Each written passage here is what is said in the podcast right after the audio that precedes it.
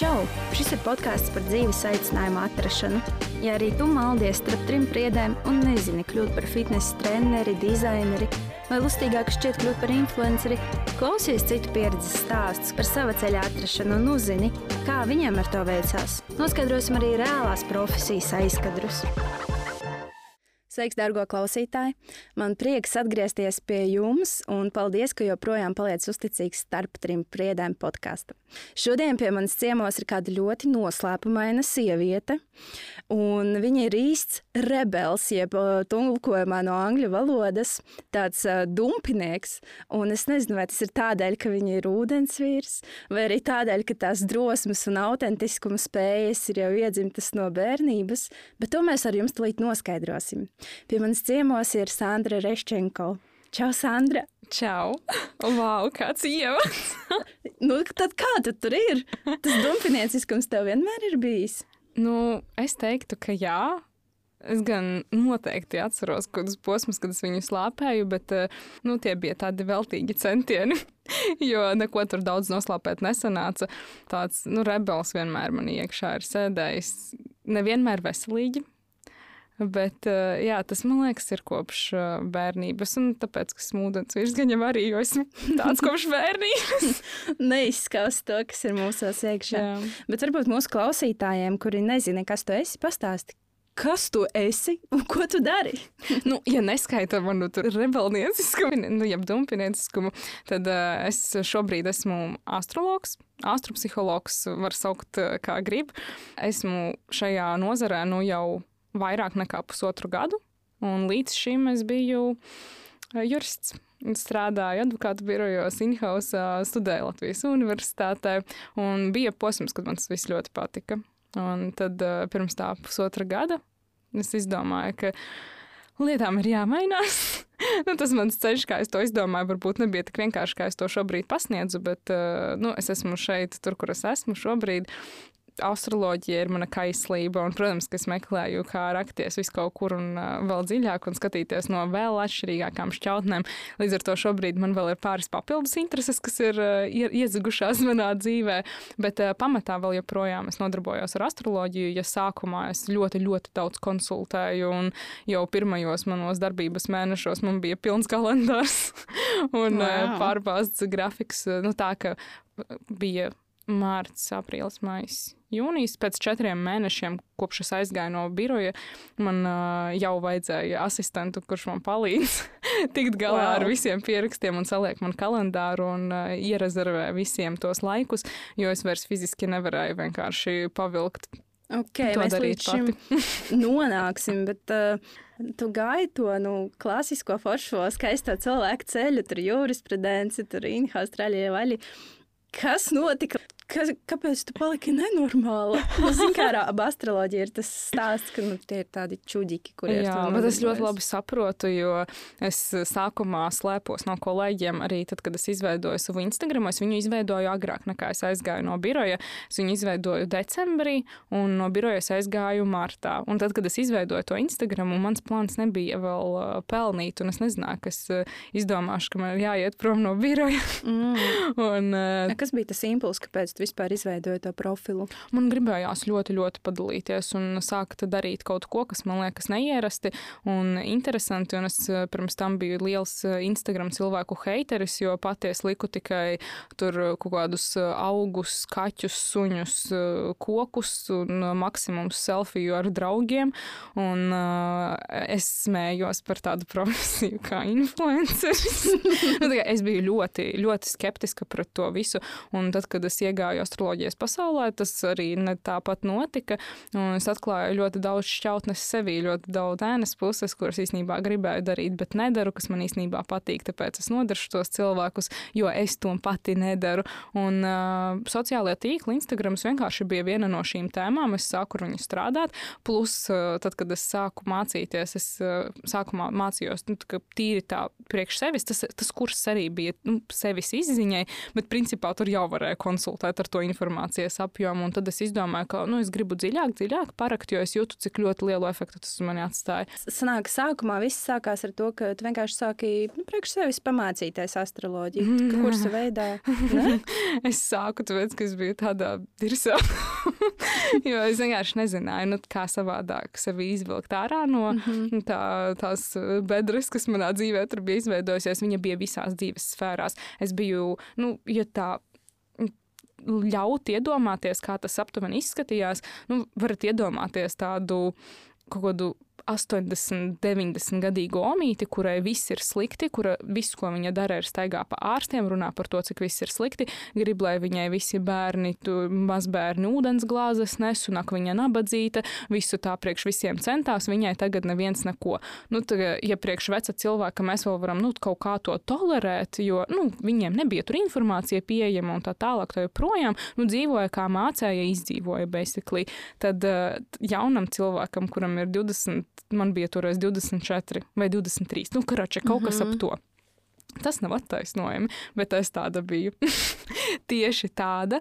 Es biju vislielākais upuris, kādu var iedomāties. Es tad, kad par upura lomu mācījos, kas tas ir, kā izpaužas, man bija visas pazīmes.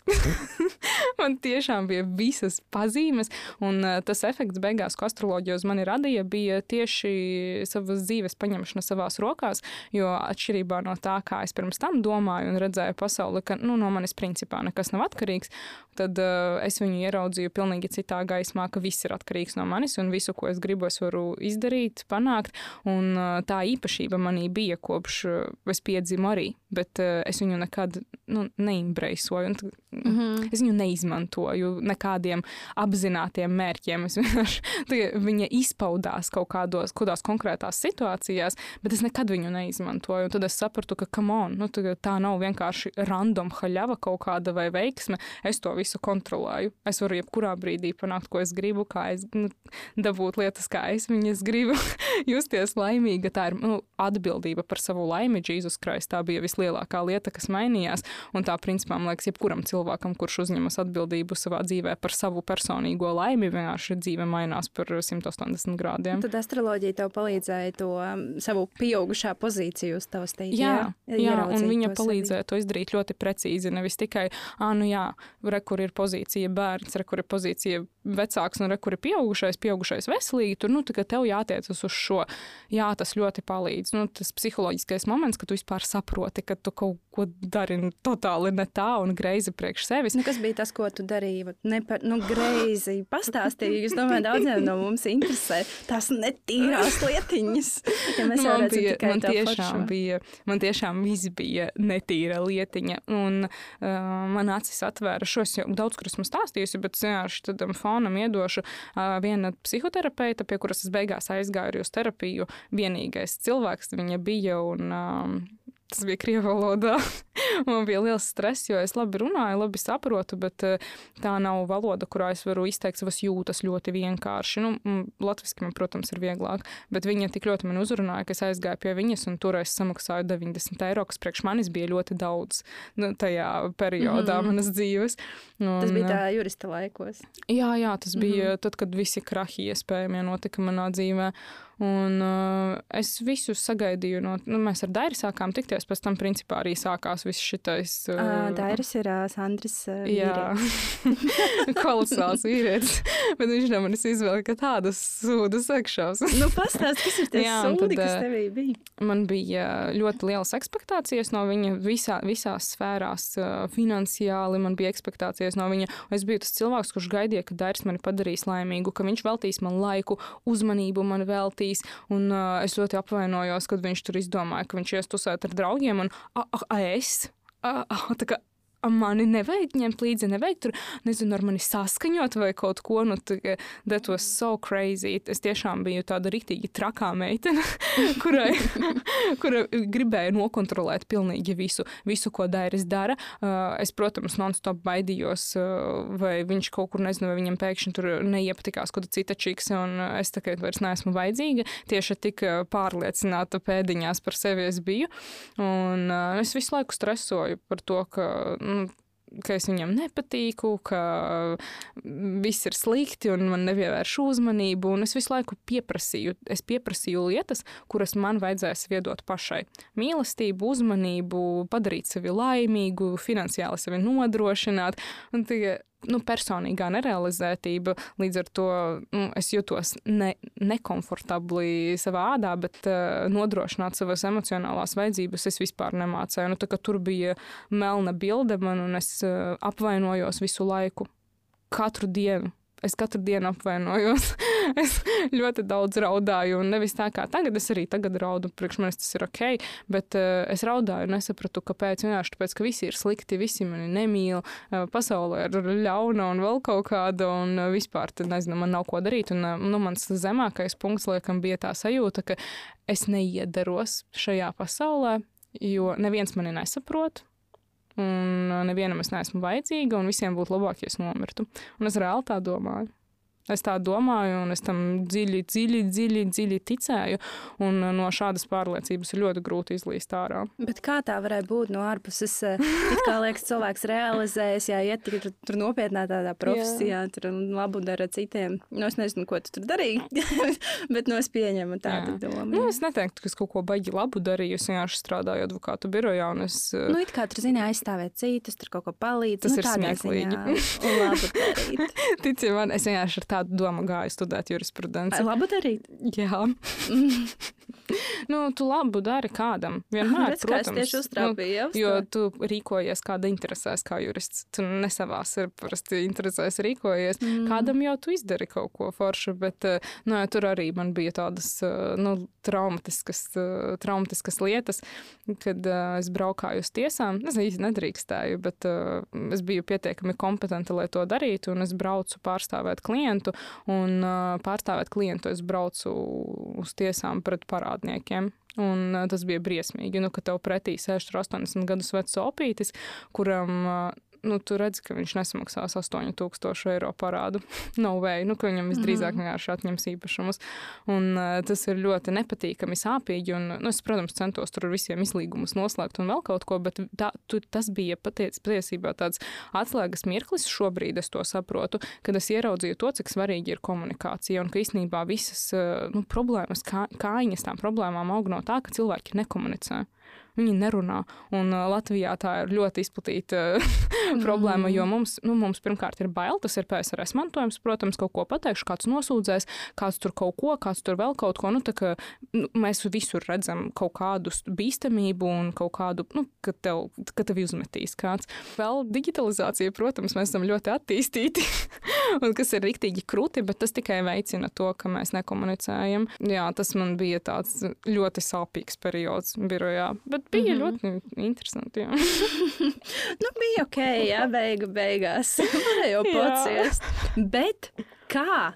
Tas tā nākas, ka no jurisprudences pēkšņi tā kā astroloģijā pastāst to ceļu, kas, kas tur bija. Jā, nu, vot, es, to, es teicu par to psihoterapeiti.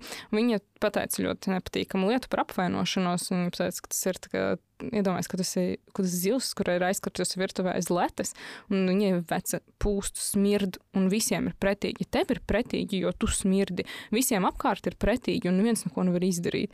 Nu, tajā brīdī, kad es sapratu, fuck, es esmu tās zils, kas smird, nu, man bija ļoti nepatīkami.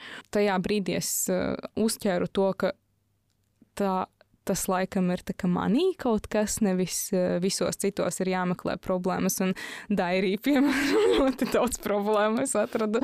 Bet tas laikam ir manī, un uh, man bija, nu, man reāli liekas, ka pēc tā webināra, lai vai cik ļoti viņš bija man vērtīgs, man tāds depresīvs stāvoklis riktīgi iestājās. Es jau tāpat biju, ja, ja es aizietu uz uh, kaut kādu praksi pie kaut kāda ārsta, viņš man stabilu diagnozi depresīvus stādītu tajā brīdī, bet uh, kaut kas mani, nu, kaut kas mani nelaido uz turien, es neaizgāju. Un uh, viņa atvēra man acis uz to, ka tā esmu es, kurai kaut kas jārisina, nevis visiem citiem kaut kas par mani jārisina. Pēc tam kaut kā, mm, ja godīgi, es pat nezinu, kā astroloģija atnāca pie manis ļoti mistiski. Es par viņu zināju jau sen. Bet bija tā, ka tev bērnībā jau bija tādas idejas, ka, oh, es tur varētu būt astroloģija. nē, vispār nē, bet uh, mani vecāki bija ļoti atvērti. Pateicoties uh, viņiem, nu, es arī skatos uz lietām ļoti atvērti, jo uh, es nesen tikai uzzināju, ka tā izrādās nebija visiem. Bet uh, mums bērnībā bija viss iespējamais arsenāls ideoloģiskais mājās pieejams mums bija bībeles, visi sējumi, mums bija numeroloģijas grāmatiņas, mums bija visādas citādākas grāmatiņas, mums bija ļoti daudz daļu literatūras. Numeroloģija vienā jā, mājā? Jā, tieši tā. Maniem vecākiem nebija tādu robežu, ka, nu, tā ka ja es ticu kaut kam vienam, tad nedrīkst ticēt kaut kam citam, ka pasaule nu, tāda mhm. saskaldīta ir. Un, nu, mēs nevaram tur gan to, gan to likt kopā un izmantot visu savā labā. Maniem vecākiem nebija tādu aizspriedumu, un es to no viņiem paņēmu. Acīm redzot, vienkārši līdz nu, kaut kādam nesenam brīdim nosacīt. Es to ne, nu, es nesapratu, cik eh, liela vērtība tajā visā, ko viņi man iedeva, ir. Jo man nekad nav bijis problēma aiziet uz baznīcu. Es arī mācījos Aglonas Bazlikas kora skolā, dziedāju misēs un spēlēju ērģeles pat misēs. Man nekad tas netraucēja interesēties, nu, jo es vidusskolā lasīju horoskopus, man, kurš to nedarīja. Un, uh, man tas netraucēja vispār. Es nekad neredzēju nekādu konfliktu. Zini, kad es ieraudzīju, ka izrādās, ka eksistē tas konflikts, kad uh, krači, es rakstīju cilvēkiem par sadarbībām, nu, savā tur kaut kādā sākumā, kad es sāku, kad es konsultēju vēl, es uzrakstīju vienai meitenei, kura man atbildēja, ka viņa ir kristiete, un tāpēc viņa nevar. Un man bija tāds, Paga, ko? Tas ir kā? nu, es saprotu atteikumu, it's ok, nu, kaut kādi savi iemesli, tur negribu datus dot, vai nu, es neticu, mani neinteresē, bet arguments bija, es esmu kristiete. Un tajā brīdī es sapratu, ah, fuck, izrādās, ka pretruna eksistē, jo loģiski es saprotu, kāpēc. Nu, jo -hmm. viens paredz reinkarnāciju, otrs paredz elli vai debesis. Nu, es saprotu loģiku, bet tīri tādā nu, emocionālā līmenī, apziņas līmenī es to nesaprotu. Jā. Mm, Saka, godīgi, vai tas iemesls, viens no iemesliem, kāpēc tā, kā tā astroloģija, tu skaties savā, savā natālajā kartē, ko man darīt, kur man labāk profesionāli realizēties? Mm, sākumā nē. Viss ko, jā, viss, ko es sākumā skatījos, ir tas, ko es skatījos, ir. Nu, mm, kas ir mans potenciāls, iespējas. Jo tad, kad tu esi ļoti ilgstoši tādā upura pozīcijā, tu pazaudē vispār sevi, tu pazaudē tādu ticību in general sev, un tu pārstāji mēģināt lietas dzīvē. Un, attiecīgi, kas, tas nozīmē, tas noved pie tā, ka tev zūd ticība tam, ka tev kaut kas sanāks, kas ir vienkārši loģiski, jo tu neko nemēģini un viss. Tur nav nekādas maģijas, mistikas, vēl kaut kā.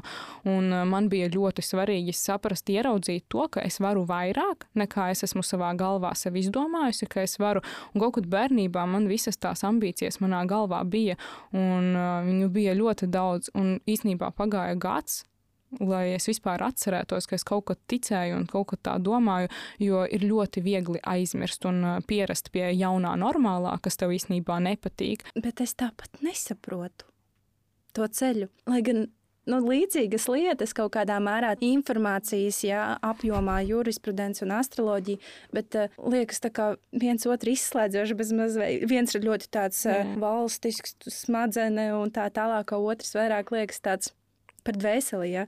Kas tiek kontaktēts kopā. nu, es pārlecu, jo man vienkārši tik ļoti sāka interesēt tā līšana iekšā sevī. Man svarīgākais bija ieraudzīt tos nu, savu kodas, savas iespējas, ko es vēl neredzu. Jo man bija to viegli izdarīt, tāpēc ka nu, tas, kā es iepazinu šo te astroloģijas veidu, bija rekur, kā izskatās, ja tu nerealizē savu potenciālu. Un tieši mm. tāpat kā rupura lomu, kad es teicu, ka es atbildu visām pazīmēm, es atbildu visām pazīmēm, kas uh, bija tad, ja tu nerealizē savu potenciālu. Un augšā vienkārši tev tur ar melnu uz balta rakstīts, ko tu varētu darīt, ja tu beigtu tupīt. Un apakšā rakstīts, ko tev jādara. Nu, kas tur bija? Viena lieta bija pasniegšana, mācīšana. Tas ir tas, ko es tagad vispār daru non-stop. Un eh, kaut kad es biju pilnīgi pārliecināta, ka es nekad, nekad dzīvē nebūšu nekāda skolotāja, man tas sanāk briesmīgi. Es nevaru, jo, zini, kāpēc? Jo es eh, pamatskolā mums bija tie, nu, tādi, tādi pasākumi skolotāju dienās. Eh, skolēni mācīja kādas nodarbības mm -hmm. skolotāju vietā, un skolotāji atpūtās. Un es biju mūzikas skolotāja, un es reāli saraudināju vienu sīko kopš tās reizes man bija tāds, es nekad nebūšu skolotāja. Plus, manā mamma ir skolotāja. Un, nu, es redzēju, cik tas ir nevienmēr patīkami. un uh, es nu, ties, tiešām es biju izslēgusi to pilnīgi no sava prāta. Un uh, tad es elementārākais instruments, ko es apguvu pašu pirmo, bija dvēseles formula. Un tur ir tās centrālās planētas, kuras norāda uz to tavu potenciālu, kuru tava dvēsele vēlas realizēt šīs dzīves ietvaros. Un uh, tur bija man Jupiters, tāds centrālā planēta, ļoti skaista. Un tur bija viss par un ap tur apziņas paplašināšana, mentorings, mācīšana, zināšanu nodošana, tur tāds nu, tā augsta kalibra. Un man tajā brīdī, nu, kad es izlasu, ka tur nu, tāds tiešām dzīves gudrs, bez maz vai guru kaut kāds skolotājs. Un tu tur mans potenciāls. Un, un, un es tā kā atceros to nodarbību mūziku kur es saraudināju sīko, un manā galvā vienkārši nelikās kopā. Un tad tu lasi to aprakstu, kas ir, nu, tad, ja tu to nerealizē, tad es sajūtu, ka tas četrās sienās iespiests, reāli dzīves prieka trūks, un tev liekas, ka tev neiet un neveicas. Un es reāli jūtu sevī visas tās iespējamās šķautnes. Es šobrīd neatceros vairs visu precīzi, jo tā, nu, tas bija mans sākums astroloģijā. Mm -hmm. Tur bija, nu, es kaut ko paņēmu no turienes, protams, un pēc tam es liku klāt vēl tonām citu lietu. Nu, lūk, un tad es sāku pamazām uh, eksperimentēt ar to, un pateicoties uh, tam, ka es to zināju, es piekritu, pat nepiekritu, es iesaistījos, ka bija piedāvājums, un es pati viņā ielicu lasīt lekcijas universitātē ekonomistiem, starptautiskajās privātiesībās, angļu valodā vēl piedāvām mm -hmm. izcils, tā kā Jupitera realizācija, mm -hmm. ārzemēs, svešvalodas lekciju lasīšana, vienkārši viss, ko vajag. Bet tev nebija bail tiem? Man bija tāds stress, protams, un es pieteicos tikai tāpēc, ka man tā informācija jau bija tik ļoti nosēdusies, ka es mm -hmm. to mhm. redzēju, to iespēju. Protams, ka man bija doma, nē, es taču nemāku. Bet ļoti man elpoja pakausī, ka es, es nevarēju atļaut sev neiet tajā iekšā. Un, uh, es pieteicos, tad es tās lekcijas lasīju tā divus gadus, un tie studenti bija stāvā sajūsmā. Mums vēl joprojām tām meitenēm, arī, kas ar mani lasīja, mums rakstīja uh, arī šogad un prasīja, vai mēs tur varbūt gribam palasīt, bet palasiet atsauksmes tik foršas un tik aktīvas. un tiešām nu, studentiem ļoti patika, man ļoti patika process, man patika mācīt. Jo tad, kad es uh, tam visam pieteicos, es vēl birojā strādāju, un es paralēli tur man bija astroloģija, birojas, lekciju lasīšana, un es toreiz vēl strādāju birojā. Un uh, priekš manis tā bija arī tāda nu, forša praksa, jo tad, kad tu kādam māci, tu pats labāk iemācies. Man tā ir stabili. Ir, nu, trešo mājas strēlniekā, ja kādam tas kaut ko izteiks. tā ir sapratība. Jā, nu, lūk, tā es ieraudzīju to nu, saiknīti starp o, mans potenciāls un kā es viņu varu realizēt. Man bija tāds fuck. Nu, tā kā, kā tas var būt, ka es visu dzīvi ticēju, svēti ticēju tam, ka čista nē, pasarg Dievs skolotāja. Un pēkšņi visa mana dzīve ir par un ap to. Ir jābūt ļoti aklam, lai nepamanītu. Nu, ļoti aklam. Un uh, tā kā es jau biju tajā pasaulē iekšā, un nu, arī ar visām upura lomām strādāju, un es mācījos astropsiholoģiju, un arī tad, kad tajā kursā, nu, viens ir tas ir vienkārši novirziens astroloģijā, bet mums paralēli visu to sešu mēnešu garumā bija psiholoģija, kas ar mums strādāja, ar visiem, un viņai varēja uzdot jautājumus, viņa ierakstīja lekcijas, un, protams, ka es to visu arī kā švammīte sūcu, jo es visur robežas arī man nebija novilktas. Tur bija tā bija viena no svarīgākajām lekcijām, es vienkārši atceros. un es arī tur ļoti daudz, nu, kas sevī rakos, un es vairs nevarēju nepamanīt tās lietas, un man, bija, man sāka palikt reāli grūti palikt tajā upurītī un čīkstēt par to, ka visi mani ir apdalījuši. Tad vienā brīdī es, es aizgāju tālāk mācīties, arī sākumā ķipa priekš sevis. Un to blogu es sāku veidot pateicoties tam, ka es tās lekcijas sāku lasīt, jo es sapratu, ka es māku dalīties ar zināšanām, un kāpēc to nedarīt, ja man ir kaut kas nu, tik fucking vērtīgs. Un uh, tad man bija tāds grafiks, es tur liku tur, nu, katru, katru otro vai trešo dienu, man tur bija posts Instagramā, stāstījis, liku, protams, nekādu seju es neierakstīju, es nebiju tik drosmīga. Kāpēc tu to darīji? Tev bija lielais jau vīzija mērķis, ka tu Nē. vēlies būt uh, top, top, top? Vai... Nē, vispār nē. Man nebija nekādas, nu, nekā specifiskais, ne, ne, nebija nekā, ko es ar to gribēju panākt. Es vienkārši darīju, tāpēc, ka man bija interesanti. Mm -hmm. Un tā ir ļoti liela atslēga, jo es arī šobrīd daru tieši to pašu, tikai jau apzinātāk. Jo toreiz es nu, taustījos ļoti daudz. Šobrīd arī es nedaru neko, kas man nav interesanti. Es netaisīšu projektu, kurš man pašai liekas, nu, kaut informācija, informācija, bet man neliekas interesanti. Varbūt kādam liekas, kāds par to lasa lekcijas, bet man nē. Tad es sāku to Instagram veidot, un cilvēki piesakojas pat nu, savā privātajā profilā, pastāstīja par savu Instagram. Mm -hmm. un um, atnāca kaut kādi reāli simts cilvēki, kas bija mani nu, draugi, paziņas, kādi cilvēki, kas mani jau zināja. Viņi īstenībā bija mani pirmie tādi noscīti klienti, jo es ņēmu eksperimentālos, jau kursam prosta vajadzēja. Tur nu, vajadzēja atskaitīties. Man vajadzēja kādam to stāstīt, un pēc tam nodot mājas darbus, lai to informāciju dabūtu vispār. Pamazām, pamazām cilvēki sāka man maksāt naudu paši. Nu, tā kā Sandra atsūta kontu, es neprasīju, jo tas bija, tās bija manas mācību nu, konsultācijas. Es to priekš sevis darīju, lai saprastu, nu, notestētu zināšanas praksē. Cik bija tā pirmā summa, ko tev šī atsūtīja? Man atsūtīja 25 eiro, man bija tāds, ko? tā, oh, my God, par to reāli kaut ko var nopirkt jau. Mm -hmm. Un uh, es tā sakrāju savu pirmo naudu, vēl nu, vispār nestāstot, ka es konsultēju. Es nopirku ringlaitu. Tā bija pirmā lieta, ko es izdarīju no savas astroloģijas naudas. jo, jā, par ringlaitu es visu laiku izmantoju. Viņš man vēl joprojām ir. Tas ir man, nu, viņa drīz vajadzēs mainīt. Bet, uh, jā, viņš man vēl joprojām ir. Es nopirku tādu rīktīgi labo. Viņš maksāja 95 eiro. Man liekas, tur jūtos tik ļoti krūti. Un uh, tad uh, vienkārši no mutes mutē cilvēku cilvēki kaut kā uzzināja par mani, un nu, kāds kādam pastāstīja, un tad tie sekotāji auga viskaut kādos veidos. Es nerakstīju ļoti ilgi, ka es konsultēju. Viens bija, protams, nu, nevienam nestāstīsim, bet nodokļu apsvērums. jo es, ne, nu, es to neplānoju kā savu darbību, līdz ar to es nu, neredzēju jēgu sākumā tur reģistrēt kādu saimniecisko darbību.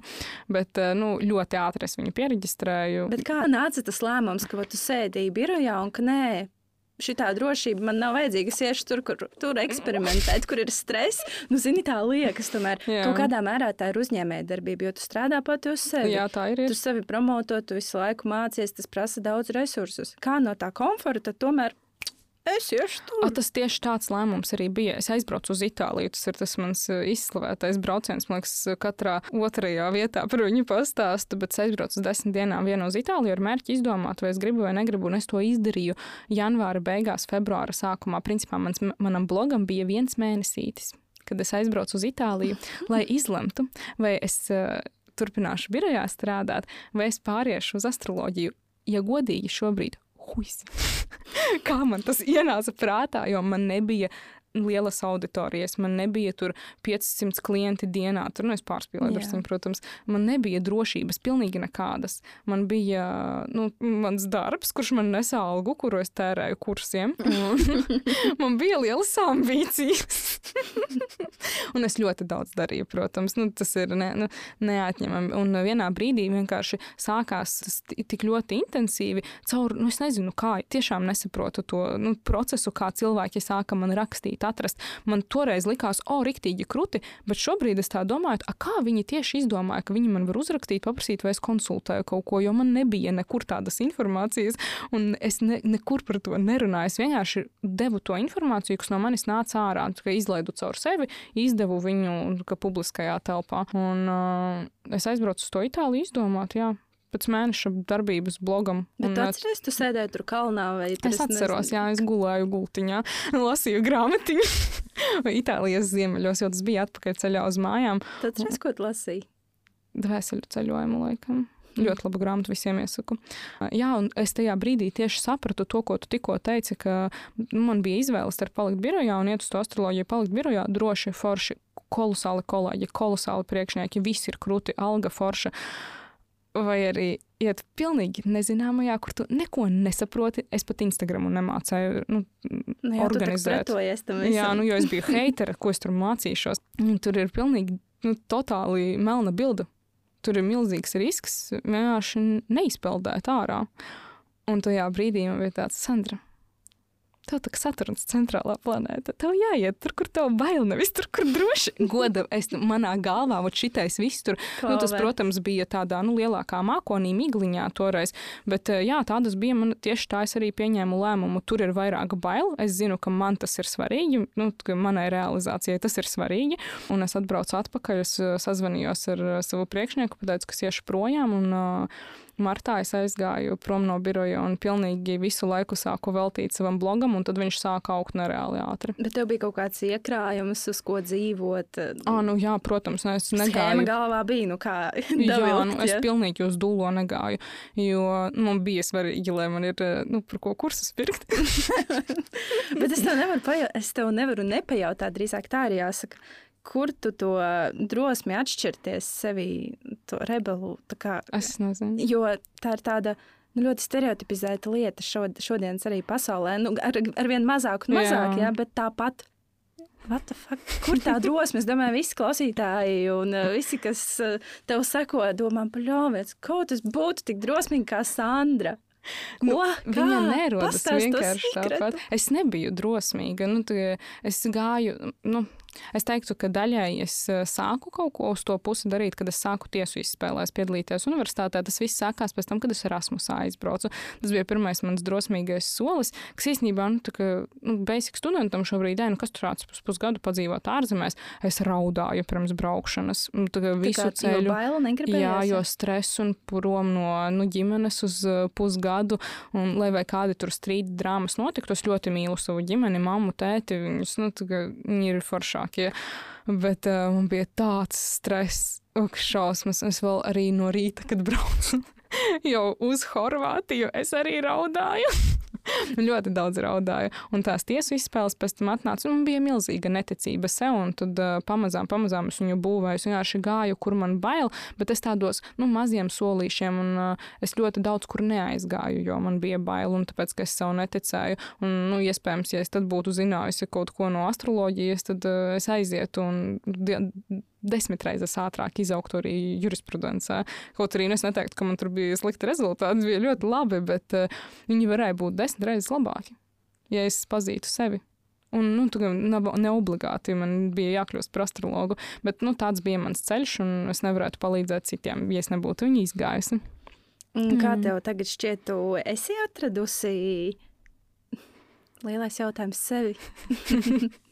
Nē, un tas nav iespējams. Es visu dzīvi plānoju ar to nodarboties un visas savas šķautnes likt kopā, tā kā puzles gabaliņus. Arī, piemēram, cilvēki nu, kaut kādas milzīgas expectācijas būvē nu, no viena instrumenta. Viņi, piemēram, aizies pie koča un viņi atradīs sevi. Viņi nopirks ā, saulesēdekšanas mehānismus un viss tas ir ultimate tool un vairs man nekas nav jādara šajā dzīvē. Tā, tie ir puzles gabaliņi, bet bez viņiem tu nevari salikt to puzlīti. Un tāpat arī es, es vienkārši lieku visu laiku sevi pa gabaliņiem kopā, un tas ir tāds process visai dzīvei. Mūsu uzdevums ir ar to nodarboties. Bet astroloģija kā tāda nu, profesionālās izaugsmes šķautne, tā ir tā lieta, ko tu esi atradusi. Tu esi stabili, tā kā, o jā, šito es darīšu tur līdz pirmam vecumam. Nē, es, par, es ne par ko tā neuzskatu. Priekš manis ir pilnīgi ok, nu, ka man vienā brīdī astroloģija, kā instruments, ar kuru es dalos, var apnikt. Kā instruments, ko es priekš sevis izmantoju, tik cik viņa man ir iedavusi, visdrīzāk nē, un priekš sevis es turpinu mācīties un izmantot, pielietot savā dzīvē, bet vai es ar to gribu visu dzīvi dalīties? Jo viens ir, ka tu priekš sevis kaut ko mācies, otrs ir taisīt kursus, konsultēt projektus, nu, tā kā ļoti daudz nu, dot no sevis cilvēkiem. Tās ir divas dažādas lietas. Un, nu, vai es to visu dzīvi gribu darīt? Nē, nezinu. Manuprāt, nē. Nu, tāpēc man ir visādas citas domas, idejas, plāni, Ir mērķi. tās citas idejas? Tas vēl ir noslēpumā pagaidām, bet nu, es kaut kā pastāstīšu. Varbūt kaut kādu tādu labi. Hintu, nē. Nu, ne hintu, bet uh, zini, ka tādi cilvēki, kur ir uh, drosmīgi, tā kā tu iet to savu ceļu, vienalga kāds tur met ar akmeņiem vai nē, vienmēr ir iedvesma uh, zināt, oh, nu, ko tas cilvēks vēl tur grib. Nu, tas tā liela ambīcija, ko tev Jā. gribas, tur milzīgu uzņēmumu, vai gribas, uh, lai tevi visā pasaulē zina, kā top astrologu, vai vienalga kā kaut kā tāda, tāda veida hintu to Man sajūtu. nav, ja godīgi, man nav tādas uh, ambīcijas, lai man visā pasaulē zina, kā astrologi. Man arī pēc kartes tas ir no sevišķi izdevīgi. Bet uh, jā, tas tā lieta, kas, kur, kas man šobrīd ļoti ir ievilkusi, kas īstenībā manā dzīvē arī bija kopš bērnības, tā ir uh, telpa. Un telpas ietekme uz cilvēku. Redzēsim, kas no tā beigās iznāks. Bet, uh, jā, es to arī ar astroloģiju noteikti apvienošu, un tas būs ļoti interesanti. Bet uh, tam ir milzīgs efekts. Mm -hmm. Jā, un tas ir tāds mikrohints. Jā, nu tie, kam vajag savējā sapratīs.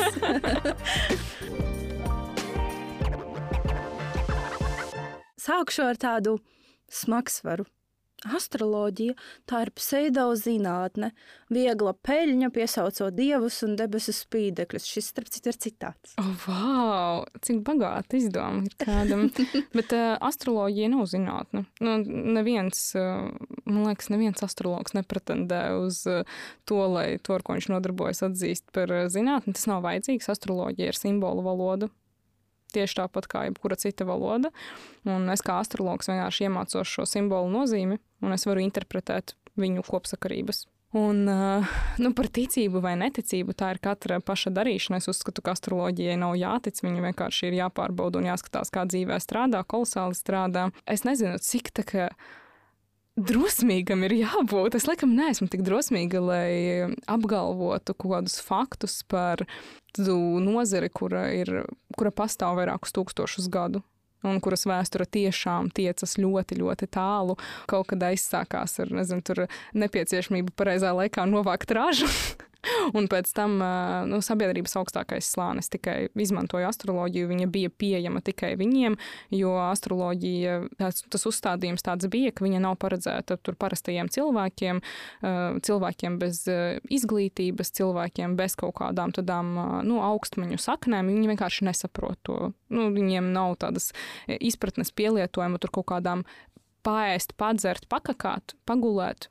Good, viss. Un uh, tad, ja cilvēka vajadzības pārsniedz šīs te, tad viņš sāk interesēties par kaut ko vairāk. To pašu psiholoģiju, astroloģiju, visām praksēm, kodām sevis izziņas, tā pati telpa. Un uh, tā tas atnāca, tā tas īstenībā ilga ļoti, ļoti daudzus gadus.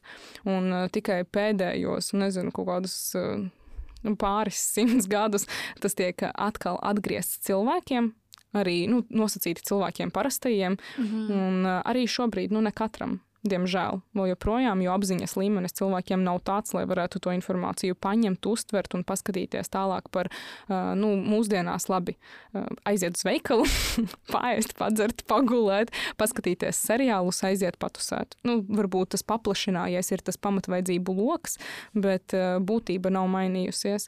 Un, ja man kāds pajautā, vai man nesen bija tāds jautājums, ka vai nu, tas, tā, tie instrumenti, ko tu dod, viņi ir. Izredzētajiem vai tomēr visiem pieejami. Nu, es uzskatu, ka izredzētajiem astroloģija ir pieejama cilvēkiem, kurus interesē padarīt sevi par galveno cilvēku savā dzīvē. Viņi to vai nu jau ir izdarījuši, vai arī viņi tiecas uz to. Un, nu, jā, viņi sevi ir izredzējuši par šo cilvēku, kuram ir tiesības dzīvot forši, saņemt no dzīves maksimumu. Līdz ar to tas, protams, ir, tā ir katra darīšana. Tur ticēt vai neticēt, es uzskatu, ka nav vajadzīgi bez ticēt, vienkārši jāiet un jāeksperimentē, bet ne visu cilvēku apziņas līmenis tam ir gatavs, un tas ir uh, pilnīgi ok. Bet cik viegli tev ir dzīvot un strādāt uh, profesijā, ko nu, tādā mūsu vismaz Latvijas vidē, man liekas, arī nosod nu, visi tie karmas latvieši un visu to ezotērisko pasauli. Tur, tu, tu, tu, tu, tu, tu. Jo astroloģija ir ezotēriskās pasaules daļa. Cik viegli tev ir uh, būt? Es, man liekas, bija drusciņi grūti sākumā. Jo, sākumā? Es, jo, jā, jo man pašai nebija ticības. Protams, ka tu sāc izmantot kaut kādu instrumentu, tev viņš nestrādā pēc piecām minūtēm. Nu, ja tas ir saistīts ar psihiskiem paterniem, kuri ir būvējušies tev 25 gadus, un tu tagad tu gribi, lai tev rezultāti ir pēc divām dienām, pēc mēneša, pēc diviem, tas nav iespējams. Un, protams, ka es ar savu tā brīža izpratni par pasauli nesapratu to, un es arī gaidīju ļoti ātrus rezultātus. Nu, viņi nebija tik ātri, un kaut kas bišķi izšāva, nu, kā piemēram par to skolotāju lietu tev stāstīju, tas bija tas, kas vienkārši izšāva. Un ir lietas, kuras neizšauja tik ātri, un tev vajag veltīt tam laiku, atkārtot, atkārtot. Tur vajag režīmu, disciplīnu, sistēmu, kārtību, to vajag padarīt par uh, regulāru savas dzīves sastāvdaļu, ja tu gribi, lai tas strādā, tā, ka, piemēram, ar saules iedegšanas mehānismiem. Un, uh, jā, protams, man bija grūti sākumā, kad uh, nu, pirmo pusgadu sevišķi, kad es nejūtu tādu nu, milzīgu efektu, bet es vienkārši dafigā darīju. Un nu, tad pēc gada bija ļoti patīkami, jo es sajūtu to, ko es saucu par laikā atliktajām sekām. Kāds to sauc par uzkrājuma efektu, nozīmes īsti nav.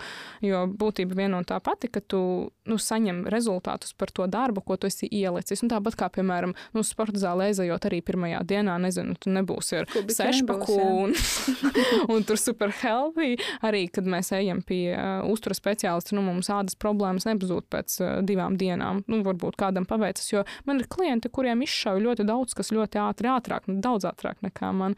Un jā, tajā periodā, nu, es tikai veidoju ticību instrumentam. Tad, kad tu redzi vienkārši, ka viņš strādā viens, divi, trīs, tā kā pulkstentiņš un dod rezultātus, ja cilvēki to dara, realizē, pirmkārt manā dzīvē dod kolosālus rezultātus, nu, tad ir tāds. Da neizmanto. Dūju! Tad visi, kuri nosoda un uh, nezinu, tur sāka Sandra nodarbojas ar misticismu popularizēšanu, tu ieņem to pozīciju, ka nu, dari, ko gribēt, man ir ok.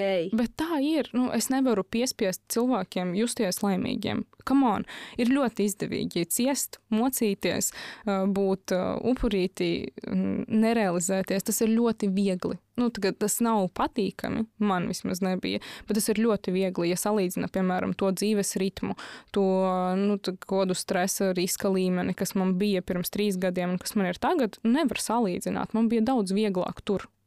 Atbildības ļoti maz. Pirmkārt, par sevi jau. Lietu, par ko domāt, maz. Notikumu dzīvē relatīvi maz. Nu, tev tā kā tāds čilaks, tajā var pavadīt visu dzīvi.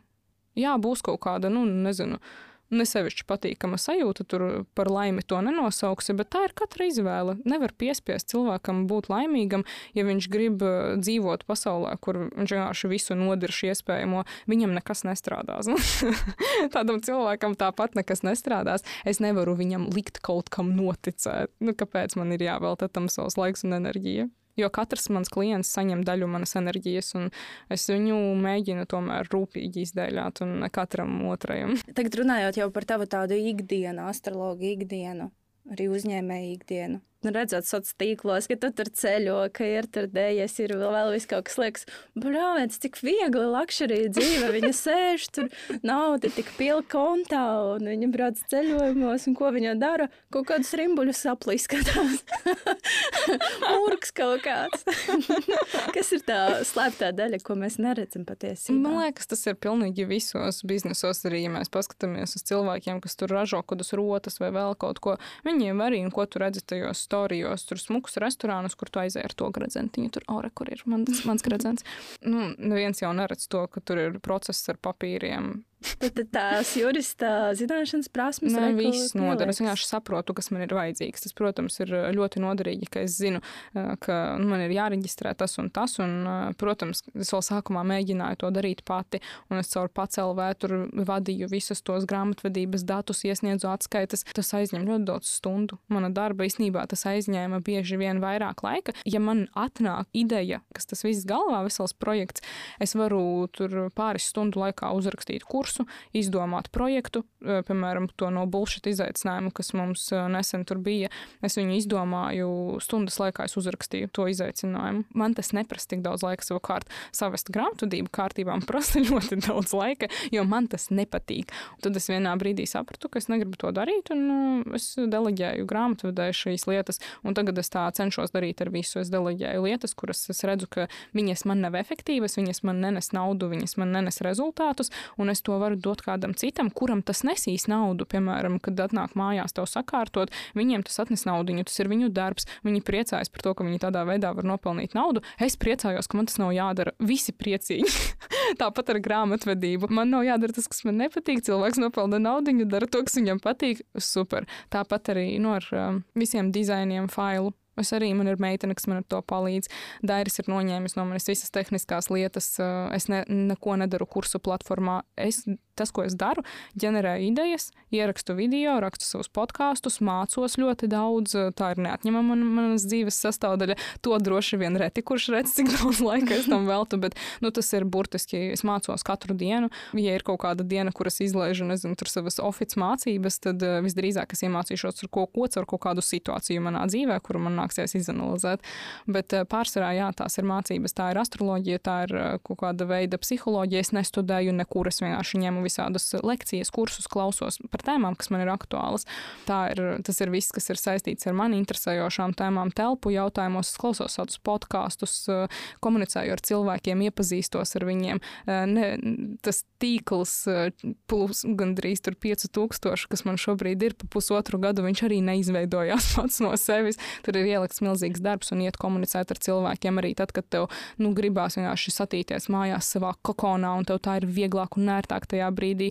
Tu ej un tiecies ar viņiem, ej uz tām kaut kādām sieviešu biznesmeņu tikšanās reizēm un ar viņām pļāpā iepazīsties, stāsti par sevi, prezentēt sevi uz katra stūra vienkārši vajag. Visur, kur tu ej, tu esi burtiski sava prezentācija. Bet jā, tas slēptais, ko droši vien cilvēki točno neredz, vienkārši to, es to netranslēju, tāpēc, ka man tajā brīdī nav laika translēt. Dairis, protams, smejas par mani, bet, uh, ja man pajautā, kas ir mans hobijs, tad mans hobijs ir strādāt. Un uh, arī to, tos ceļojumus, nu, nu jā, es nerādu, kā es līdz 12. naktī sēžu pie planšetes un uh, taisu produktus, vai arī drukāju idejas, vai arī rakstu podkāstus. Bet uh, es, protams, parādīšu kaut kādu skaistu jūriņu un pompeju.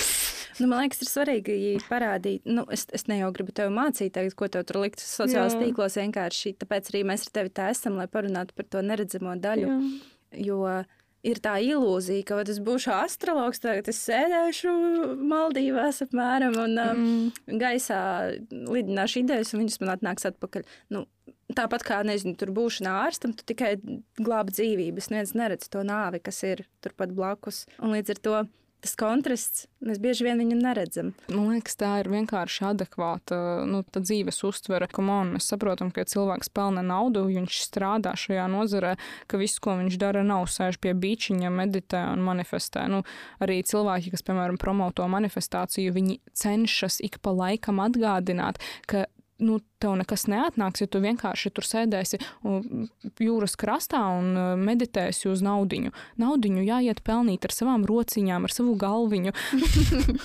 Tas Kā, tā ir elementāra nu, atrašanās, uh, ko bērna pozīcijā, tad, kad cilvēks vispār. Nu, kaut kā iedomājies, ka tas ir, nu, tā ir vienkārši haļava kaut kāda, ka tev, tev paveicās, tev tas. Tu neko nedari, vienkārši tev tur plūst naudiņa, ne no kurienes. Vienkārši tajā brīdī, kad es strādāju, nu, man nav laika un vēlmes uzlikt statīvu, sākt ierakstīt video, pēc tam tas video ir jāsagriež, viņš ir jāieliek storijā. Tas arī viss aizņem laiku. Un, ja es esmu ceļojumā un es strādāju līdz 12. naktī, tad man ir tāds, nu, tu, kad, lai kādam parādītu, ka es arī strādāju, es tagad vēl līdz pusvieniem naktī. Nē, es eju gulēt. Bet runājot par tiem sociālajiem tīkliem, tev ir uzbūstojies tāds, tā kā esmu tavs sekotājs, arī zinu to pusi, ko es redzu kā sekotājs, un mums tā otrajā pusē ir enerģija tāda, ka, ak, Dievs, Sandra ielika storiju, vajag ātri skriet skatīties. Oh, ir telegramā kaut kāds, kaut kāds ieraksts, ka, Dievs, kā tik man nepalaist garām. Tu, tu to apzināti esi darījusi.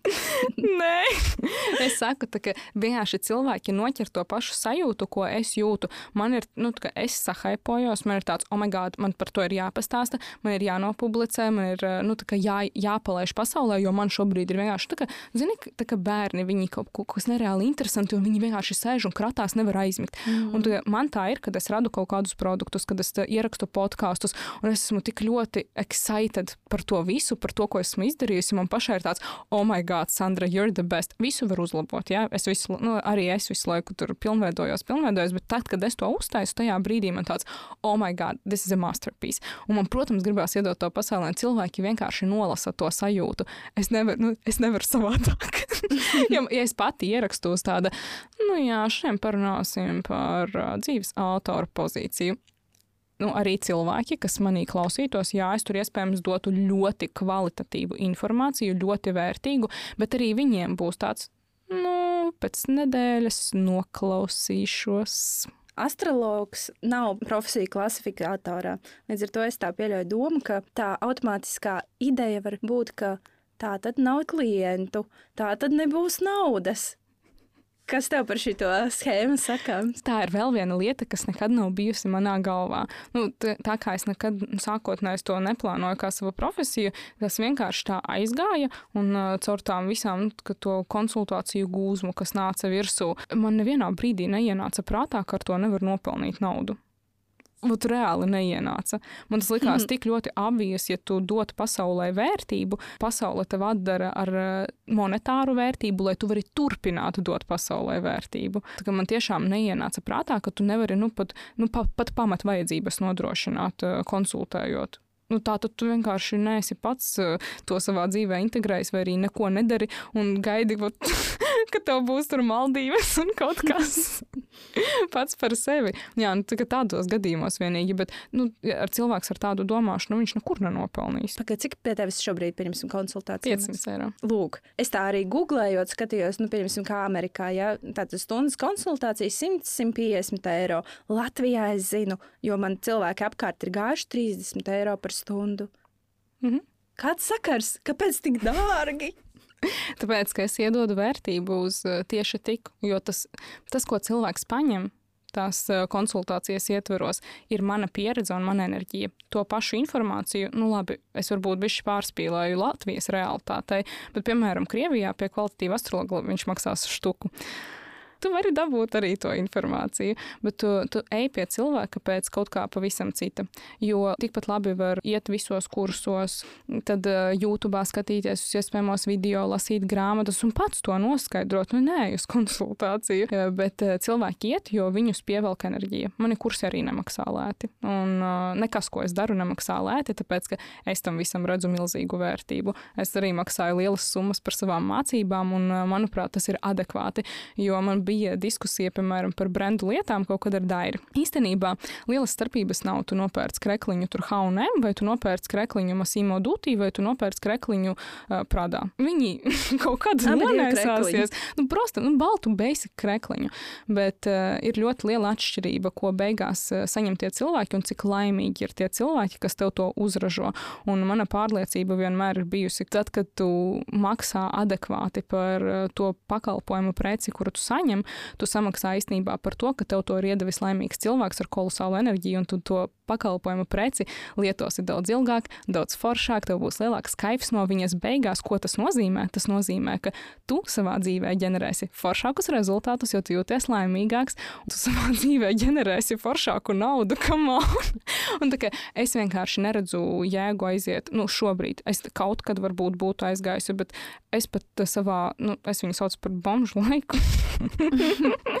Kad es dzīvoju uz tā bezdarbnieku pabalsta, kad es trīs mēnešus, es aizgāju arī uz konsultāciju pie vienas ukraiņu astroloģijas. Arī es viņu, viņu man ieteica viena tā psihoterapeita, pie kuras es aizgāju. Man gribējās nu, kaut kādu nu, apstiprinājumu toreiz viedokli, un viņa, viņai bija arī tāda nu, basic pieeja astroloģijai, nekā negatīva, bet tāda nu, bez, taus, nu, bez kaut kādiem praktiski pielietojamiem instrumentiem. Un es arī toreiz nu, gāju pie viņas, tāpēc, ka viņas konsultācija maksāja 90 eiro. Man bija tāds, ok, nu te es kaut ko drusciņu sev dabūšu. Man pat tad, kad, nu, es nepelnīju pati neko, mana domāšana jau toreiz bija tāda, nesaprotu, no kurienes goda vārds. Bet viņa tāda bija, jā, es kaut kā, nu, man vienmēr ir kaut kā tā sajūta bijusi iekšēji, ka es, tad, kad es maksāju par kaut ko, es nemaksāju tam cilvēkam, es īstenībā samaksāju sev. Un, ja es sevi uzskatu par tik ļoti vērtīgu pēdiņās, lai, nu, pa 30 eiro domātu, ka es dabūšu līdz savu atslēgu visai dzīvei, nu, es nezinu. Bet tev pašā sākumā liekas, interesanti. Pašā sākumā tu neprasīji nemaz naudu. Tev teica, iedod konti 25 eiro. Un tā kā, Jā, jo tā nebija mana profesija. Es biju jurists. Es, nu, tas bija mans hobijs tajā mm. brīdī. Un ir ļoti svarīgi nodalīt, kas ir tavs hobijs, no kura tu nepelni naudu, un uh, kas ir tava profesija. Profesija mm -hmm. nozīmē, ka tu pelni naudu. Tāpēc es teicu, nu, es nezinu, cik ilgi es būšu astroloģijā, kā, nu, kā pavadonis, cilvēks, kurš dod un saņem par to kā profesiju. Kā hobiju, kam on visu dzīvi, protams, ir mans saulsadegšanas mehānisms, bet uh, kā profesiju nezinu. Tāpēc, ka tas ir pilnīgi savādāk. Un šeit ir, nu, acīm redzot, arī tādiem cilvēkiem varbūt nav līdz galam tā dalījuma viņu galvā, kas ir tavs hobijs, kas ir tava nodarbošanās. Vai tu gribi nu, izdzīvot un dot to pašu izdzīvošanas enerģiju saviem klientiem, vai tu gribi dzīvot, realizēties un to pašu būstu dot saviem klientiem. Ne vienkārši tāpat pēc maniem kursiem cilvēki saka, ka viņiem tur nekad tur tāda transformācija nav bijusi. tur lielākais lēciens pašizaugsmē tur pēdējo miljardu gadu laikā. Nu, tas nenotiek tāpat. Un viens no iemesliem ir tas, ka es tur ielieku milzīgu enerģiju, es viņu iedodu, un es par to paprasu adekvātu samaksu. Tev bieži ir bijušie atteikumi? Vai tā, ka nav vispār klientu? Šī ne, vispār nebija. Nē. Blīn, nu tev tas Jupiters laikam riktīgi močī. ir bija, protams, ka ir kaut kādi periodi, kad tev, nezinu, viss neuzlido, kā tu esi tur izdomājis. Man tāds, laikam, ir bijis tikai viens Un uh, es arī nu, pēc uh, saviem tranzītiem, nu, prognozēšanas metodēm, es varu pateikt, kāpēc tā ir. Un uh, cilvēkam ar kaut kādu nu, tādu, visi man iedodiet kaut ko, es neko te nekontrolēju, un viss ir slikti, ne, nekas man nevar palīdzēt. Tāds periods rez, parasti rezultējas ar to, ka viņam vienkārši nauda caur pirkstiem aizplūst, un viss, nu, nekas nenotiek, nekas nekustās uz priekšu. Tad man tas periods vienkārši rezultējās ar nezinu, netik lieliem ienākumiem, kā es biju izdomājusi, ka man vajag, bet es vienkārši neapstājos. Es turpinu darīt, bet es ņemu nost ekspektācijas un viss. Jā, mm -hmm. Man nav bijis tā, ka man nu, vispār nav ko darīt, ka man nav klientu, ka es izmisīgi cenšos tur caur Instagram storijiem pārdot. Varbūt kaut kad tā būs. Es nezinu, kad tā būs. Es droši vien nu, vairs to nedarīšu, jo tas vienkārši liecina par to, ka tas vairs nav priekš manis, un es tajā neieguldu enerģiju, jo klienti nāk uz enerģiju. Un tāpēc pastāv risks, ka, par, ja tev konsultācija maksā trīcāri, tad tev var nebūt klientu. Tas arī, protams, nu, tas ir ļoti good point. Jā protams, tu vienkārši izdedz. A tev mājās ir kristāla bumba? Nē, nav, bet mēs ar Dairiku paliekam runājam, kā mums vajadzētu. Ar gariem sazinies ikdienā. Tas būtu tik krūti, ja es varētu, tagad, oh my god, bet es nemāku, diemžēl. Ja kāds man var iemācīt, lūdzu, contact me, DM, vai ja var arī uz ēpastu. Dodiet ziņu, jā, kur jā. prot. Zini, kas vēl ir par to astroloģiju? Tas stereotips, nu, ka tā ir izklaide, un ka ot, vienreiz es aiziešu, man visu manu dzīvi tur izstāstīs. Es tur kaut ko paņemšu, kaut ko nepaņemšu. Ko tālāk, tā kā nu, man nevajag vairs. Jā, tā ir Latvijas realitāte. Vienkārši tāds ir pieprasījums. Un arī visi cilvēki, kas čīkst, ka oh, Latvijā tur aiziet pie astrologa un to vienkārši tur kaut ko kādu negatīvu sūdu pastāsta, kas klasiski iedzen cilvēku bērnu bezatbildīgā pozīcijā. Nu, ja jau astrologs man pateica, nu tā tad es tur neko nevaru darīt. Un otrs ir tas, ka tev vienkārši izstāsta tavu dzīvi, tev darīt neko, nu, tu ar to īsti darīt neko nevari. Tur mums nekā slikta arī nav, bet nu, tu arī paņemt no tā neko nevari. Uh, nevelti tāda astroloģija Latvijā ir uh, pārsvarā. Tāpēc, ka tāds ir pieprasījums. Cilvēkiem patīk diagnozes, kad viņiem neko nevajag darīt. Viņiem vienkārši pasaka, ka tev ne, nu, ka tu, nezinu, naudas nebūs. naudas nebūs, jā, un tur var ar melnu muti strādāt visu dzīvi, bet neko tāpat nenopelnīs. Jo priekš kam man ar melnu muti strādāt? Es tak vispār labāk neko nedarīšu, jo tāpat neko nenopelnīšu. Tad otra lieta ir, jā, par to, nu, vienkārši pastāsta kaut kādu aprakstu iedot tev. Esmu dzirdējis briesmīgus stāstus, nu, nu, ka cilvēks pēc tam atrod internetā, kur astrologs ir kopējis to. Like, how? Bet tādi stāsti ir, jā, un kādus info blāķus vienkārši iedot kaut kādu aprakstu, pastāsta kaut kādu tur depresīvu sūdu. Cilvēkiem patīk patiesībā, jo nekas nav jādara. Baigi labi. atbildība nos nevienam nu, cilvēkam, kurš nesaprot nu, patieso nozīmi vārdam atbildība, viņiem bail no tā. Tur arī, protams, ir jābūt diezgan lielai drosmei, lai apzinātos to vārda atbildība nozīmi un paņemtu priekš sevis viņu kā kaut ko rītīgi krūtu, nevis kaut ko, kas ir, ak, nē, negribu uzņemties atbildību. Kāpēc tik maz cilvēku uztaisa savus biznesus, ir vadošos amatos, tiecas uz vadošiem amatiem? Tāpēc, ka tur ļoti daudz atbildības. Bet ir ļoti daudz cilvēku, kas čīkst, ka viņi gribētu Maldīvu, uz Maldīvām lidot, un ka viņi gribētu tur to un tā, un o, citiem ir, man nav. Nu, tā robeža šķirtne ir uh, izvēles un lēmumu pieņemšanas stratēģija un uh, prasme uzņemties atbildību. Man liekas, viss tavs stāsts ir par šo uh, atbildības uzņemšanos. Nezinu, kā tev klausītāji, bet man noteikti tu, Sandra, iedvi tādu Es pilnīgi jūtu, man sirsnījā tā kā tāds enerģijas doziņa no tevis mm -hmm. par to pieaugušo pozīciju. Mm. Paldies tev liels par šo sarunu. Es uh, gribu pateikties arī tev, klausītāji. Un, ja nu gadās maldīties joprojām starp trim priedēm, tad es iedrošinu būt tādam kā Sandra, būt drosmīgam, maldīties un nemaldīties savos ceļos un neceļos.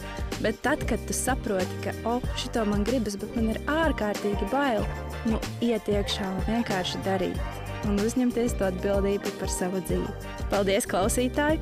Seko Instagram starp trim priedēm un tiekamies jau nākamā ceturtdienā. Atā!